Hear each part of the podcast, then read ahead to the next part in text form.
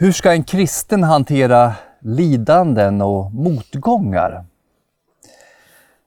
Att vi har gått igenom lidanden eller går igenom motgångar eller kommer att gå igenom motgångar är ofrånkomligt. Det kan handla om att det gör ont i våra kroppar eller våra själar. Det kan handla om sorgen över en nära släkting eller vän. Kanske handlar det om att någon lider för att han har begått någon synd eller för att någon har begått en synd mot honom eller henne. Ibland kan motgångar, bekymmer och lidanden handla om mera obestämda saker. Bara känslan av otillräcklighet, av ensamhet, av oro, av rädsla. Att man knappt orkar leva upp till alla förväntningar som omgivningen ställer på oss. Eller svårigheten att bara hantera vardagen i skolan eller på jobbet eller hemma. Oavsett vilken smärta vi upplever så är det en sak som vi kan vara helt säkra på. Ingen kommer i detta livet undan lidande på det ena eller andra sättet. Oavsett om det är ett stort lidande eller ett litet lidande, om det är ett kortvarigt lidande eller ett långvarigt lidande. Vi kan också vara säkra på att vad du och jag går igenom, vad vi än går igenom för jobbigheter, eller lidanden eller motgångar, så kan de antingen göra oss bättre eller bittra.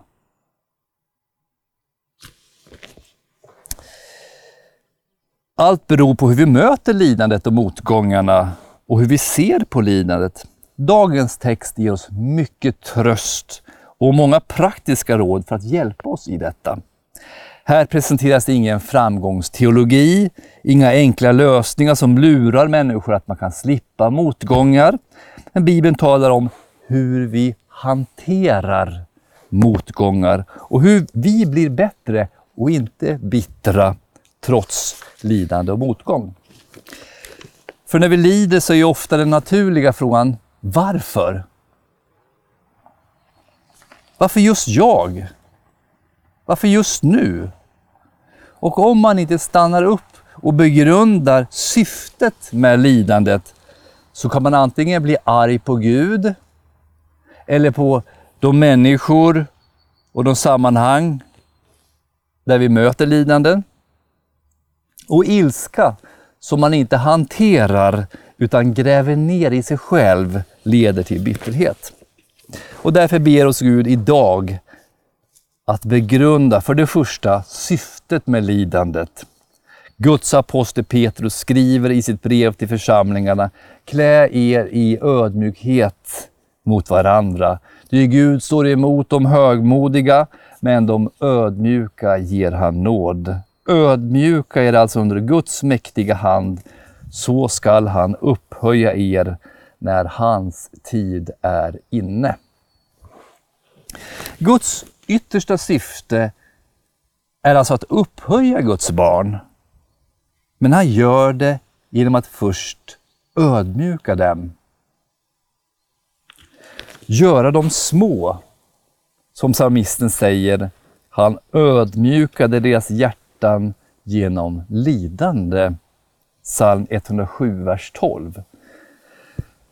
Ödmjukhet, det är ju inte ett begrepp som används särskilt mycket idag i vårt moderna västerländska samhälle. Man vill ju mer tala om stolthet och självförverkligande. Och därför förstår inte alla begreppet ödmjukhet. Vad är då ödmjukhet? Den ödmjuke, han ser sig själv som ringa, som liten. Han sätter andra före sig själv. Han erkänner sina brister och fel. Och det är inte främst en vacker egenskap bara. Det är en insikt. Det handlar inte om att man låtsas som att man är sämre än vad man är, utan om att man ser vidden av sin obetydlighet, av sin ringhet och att man bekänner det som är värt att föraktas i sig själv. Idag säger Gud genom aposteln Petrus, Gud står emot de högmodiga, men de ödmjuka ger han nåd. Ödmjuka är alltså under Guds mäktiga hand, så ska han upphöja er när hans tid är inne. Det handlar alltså inte om att man är bättre för att man är ödmjuk. Tvärtom vore man högmodig eller stolt om man såg sin egen litenhet som en berömdvärd egenskap eller som en merit. Det handlar om att helt enkelt erkänna vem man är i sig själv. Vi minns vad Jesus sa. Var och en som upphöjer sig skall bli förmjukad och var och en som ödmjukar sig skall bli upphöjd. Matteus 23 och 12. Det handlar alltså inte om att ringhet eller svaghet eller att inse sin egen litenhet har ett egenvärde. Gud vill ju upphöja sina barn. Det handlar om att vår egen stolthet, vårt fokus på oss själva, för oss bort ifrån Gud. Och därför använder Gud lidandet eller smärtan eller motgångarna för att få oss ner på knä.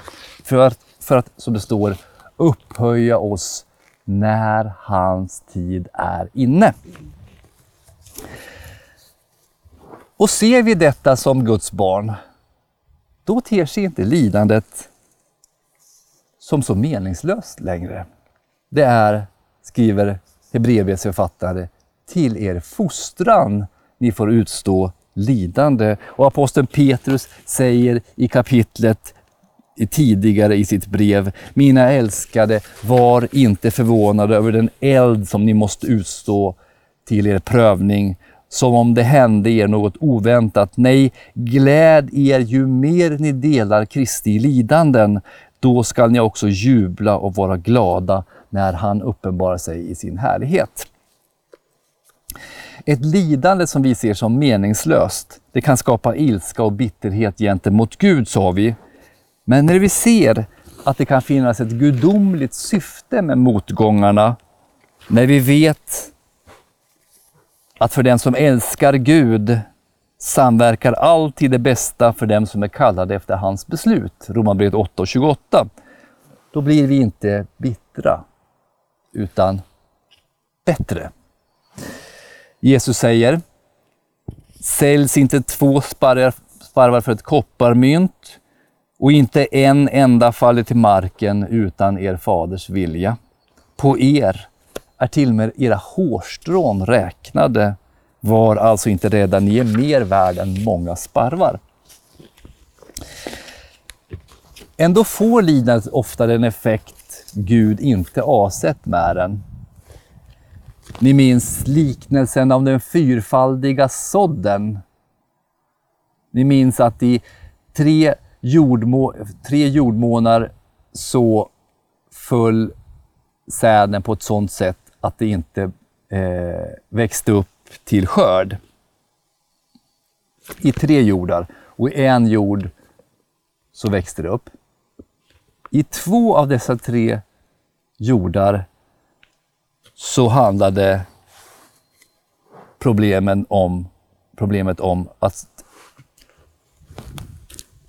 man inte kunde hantera motgångar och lidande. I sådden på stenig mark mötte de lidande eller förföljelse för ordets fall, för ordets skull och kommer genast på fall. I liknelsen om sådden bland tistlar så står det bland annat att världsliga bekymmer förkvävde ordet. Det behöver inte bli så om vi accepterar Guds syfte med bekymmer och motgångar. Syftet är att göra oss ödmjuka så att han kan upphöja oss när hans tid är inne. Och Gud ger oss idag inte bara syftet till varför bekymmer och motgångar kan skölja över, över ett Guds barn. Han förklarar också hur vi ska hantera dem när de kommer. Det handlar alltså inte om att en kristen är en sån där person som går omkring och är ständigt bekymrad och identifierar sig med sitt lidande, sina problem och sina motgångar. Nej, han säger, vad säger han? Kasta alla era bekymmer på honom, alltså på Gud, ty han har omsorg om er. Men hur kastar man sina bekymmer på Herren? Jesus svarar i Matteus 6. Därför säger jag er, gör er inte bekymmer för ert liv, vad ni ska äta eller dricka, eller inte eller för er kropp, vad ni ska klä er med. Är inte livet mer än maten och kroppen mer än kläderna? Se på himlens fåglar. De sår inte, de skördar inte och samlar inte in i lador och ändå föder er himmelske fader dem. Är inte ni värda mer än dem? Att kasta sina bekymmer på Herren är alltså att bokstavligen ge Gud våra bekymmer. Att låta honom ta hand om det. Om det som oroar oss och lita på att han ska ta hand om oss mitt i bekymren. Han har ju lovat att ta hand om oss. Jesus kastade sina bekymmer på Gud Fadern när han i sin mörkaste och smärtsammaste stund i ett semande bad. Min fader, om det är möjligt, låt denna kalk gå ifrån mig. Men inte som jag vill, utan som du vill. Och på korset ber han, Fader, i dina händer överlämnar jag min ande. Lukas 23.46. Det är att befalla sig i Guds hand. Det är att lägga sig i Guds hand. Nu litar jag på din omsorg. Och eftersom vi vet att Gud älskar oss, han som har bevisat sin kärlek till oss genom att sända sin enfödde son, så kan vi också lita på att han tar hand om oss. Han vill vårt bästa också i det smärtsamma. Då kan vi ge honom våra bekymmer genom att lägga oss i hans kärleksfulla famn. Den som bekymrar sig, han gör inte det. Bekymmer kan uttrycka otro eller vara, bekymmer, vara begynnelsen på ett avfall ifrån tron på Gud. För är det inte så att den bekymrande i praktiken säger jag kan styra mitt eget öde. Underkänner bekymrandet i praktiken inte Guds allmakt? Jesus säger, vem av er kan med sitt bekymmer lägga en enda aln till sin livslängd? Matteus 6 och 27. Och aposteln Paulus skriver i Filipperbrevet 4 och 6. Gör er inga bekymmer för något, utan låt Gud i allt få veta era önskningar genom åkallan och bön med tacksägelse. Och hur lyder nästa vers? Lyder den, då ska ni få allt ni önskar i detta livet. Nej, precis som Leif säger, då skall Guds frid, som övergår allt förstånd, bevara era hjärtan och era tankar i Kristus Jesus. Om du och jag vore på ett skepp i ett stormoväder, hur vist vore det då att gå fram till den rutinerade kaptenen och erbjuda sina tjänster om Ska jag hjälpa dig att styra skutan? Ska jag hjälpa dig? Ska jag hjälpa att få se till att skeppet kommer i hamn? Eller att bekymra sig för att man själv inte kan sköta saken. Det är ju precis vad den bekymrade och oroade gör. Man tror att man själv kan bidra att få skutan i land. Den ödmjuke, den förtröstansfulla själen erkänner, jag kan inte och jag vet inte hur den här resan ska sluta. Jag kan ingenting om navigation på livets hav. Men jag vet att kaptenen på skeppet, han kan sin sak. Mm. Men att inte bekymra sig. Att vara obekymrad, det handlar inte om att vara ansvarslös. Det handlar inte om att rycka på axlarna och vänta på att Gud ska agera när vi kan agera med Guds kraft och på Guds kallelse. Och därför förklarar dagens text. Var nyktra och vaksamma. Er motståndare djävulen går omkring som ett rytande lejon och söker efter vem han skall sluka. Gör motstånd mot honom orubbliga i tron och tänk på att era bröder här i världen utstår samma lidanden. Den som är nykter och vaksam, den som gör motstånd, han rycker inte på axlarna och säger att det som sker, det sker. Det är få av oss som har upplevt lejon. Nu har vi en friluftsgudstjänst och befinner oss utomhus. Men om vi hade vargar in på husknuten här och lejon, då kanske vi inte skulle släppa ut barnen och leka. Eller vi kanske inte skulle vara ute, och leka, ute själv här då, om det vore så.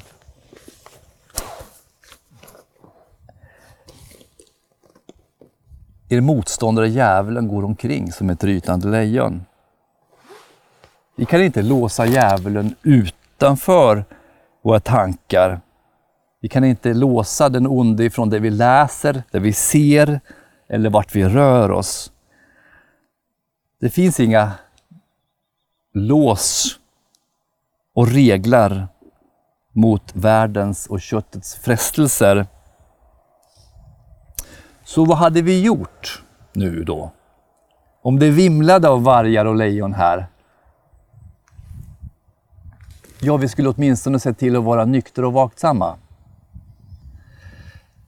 Och vi kanske skulle beväpna oss så att vi kunde göra motstånd. Skriften säger ta på er hela Guds vapenrustning så att ni kan stå emot djävulens listiga angrepp. Ty vi strider inte mot kött och blod utan mot furstar och väldigheter och världshärskare här i mörkret, mot ondskans andemakter i himlarna. Hur hanterar vi motgångar?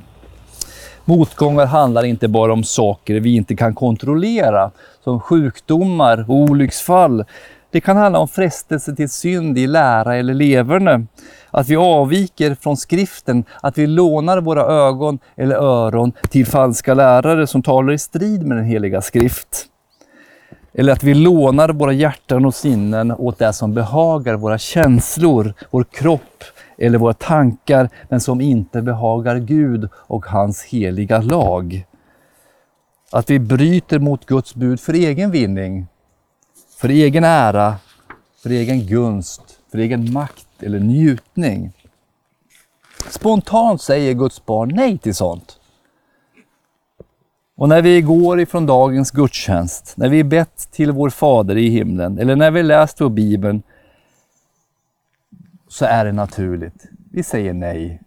Men de stunder när vi grävt ner våra hjärtan för djupt i den här världen, när våra blickar sänks ifrån Gud till oss själva och när vi fastat för länge från Guds ord och sakramenten, då sker det som dagens text indirekt varnar oss för.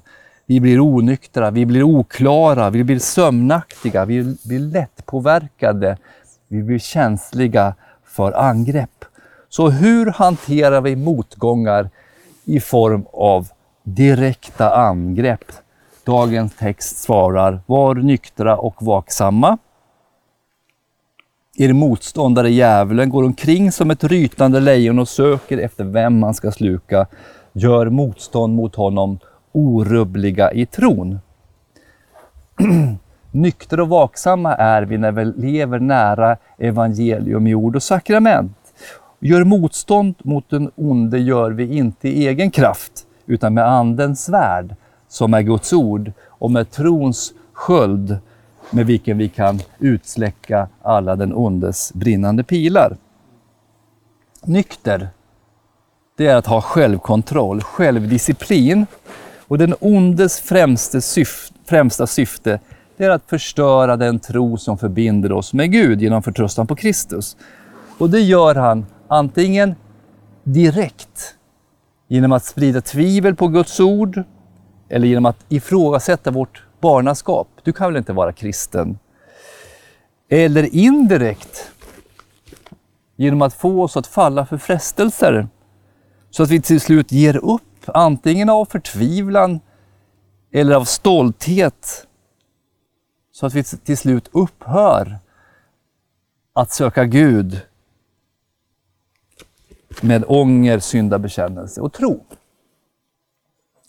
I dagens text vill aposteln Paulus uppmuntra församlingarna att inte låta det gå så långt att frestelsen leder oss till fall. Men om man inte läser texten noggrant så kan man få känsla av att det här handlar om att, att kämpa och, och att orka och att ha alla de där goda egenskaperna. Men det är just detta som den plågade själen upplever sig sakna. Alltså fastheten. Men säger inte aposteln att vi ska vara nyktra och vaksamma? Fordrar inte detta att vi ska vara orubbliga, att vi ska ha de här egenskaperna?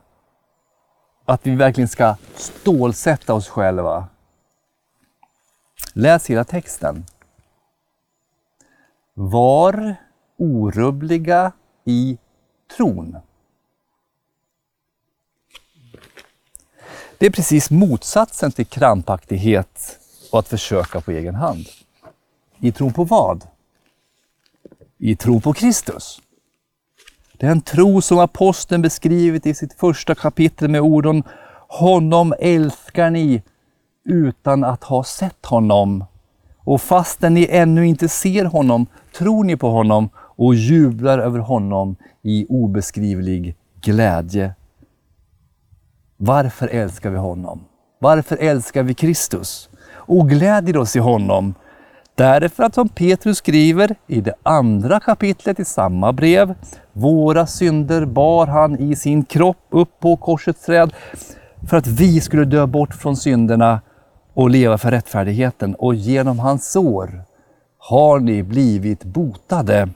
Eller som Petrus säger i det tredje kapitlet. Så led Kristus en gång för våra synder, rättfärdig led han i ogudaktiga ställe för att föra oss till Gud. Det finns ingen krampaktighet eller gärningstänkande i detta ljuvliga evangelium att Gud genom Kristus gjort allt väl för oss, att han bytt sin rättfärdighet mot vår orättfärdighet. Krampen och ångesten och det egna görandet börjar snarare när vi sätter foten utanför denna nåd, denna kärlek och denna befrielse, alltså när vi försöker på egen hand. Gud har ställt oss i evangelium, i ord och sakrament. Och genom tron på Kristus, vår korsfäste och uppståndne frälsare, så blir vi orubbliga i tron. Och det är då vi gör motstånd mot den onde.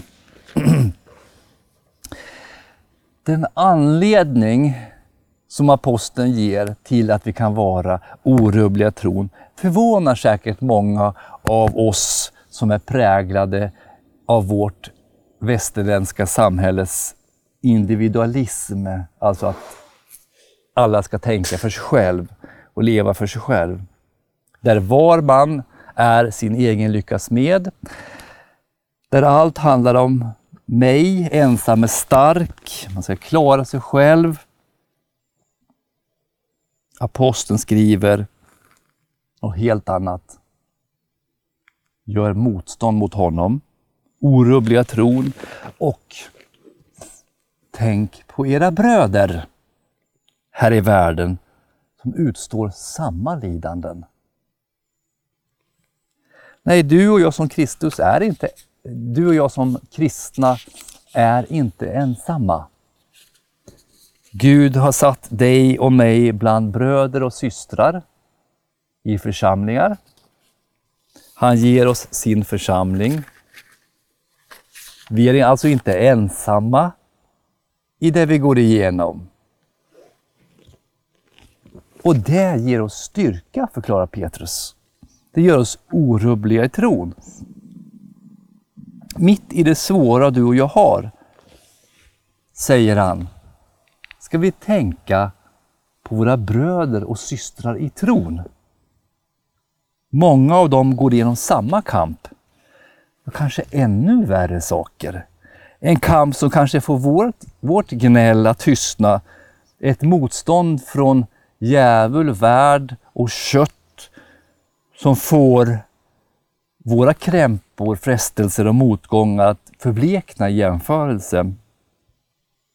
Det kan faktiskt hjälpa oss att inte ge upp. Har han hjälpt andra som går igenom svårare saker eller samma saker så kan han hjälpa också mig. Vi kan tänka på våra bröder och systrar som utstår samma lidanden för att inte känna oss alldeles utelämnade och ensamma under Guds mäktiga hands fostran och under djävulens motstånd. Vi kan också se dem som föredömen.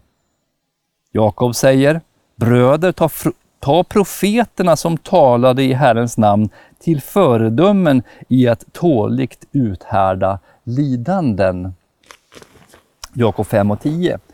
Petrus avslutar sin innehållsrika undervisning för dem som upplever motgångar genom att ge ytterligare två skäl till att inte ge upp. All nåds Gud som har kallat er till sin eviga härlighet i Kristus, han skall upprätta, stödja, styrka och befästa er sedan ni en kort tid har lidit. Hans är makten i evighet. Amen.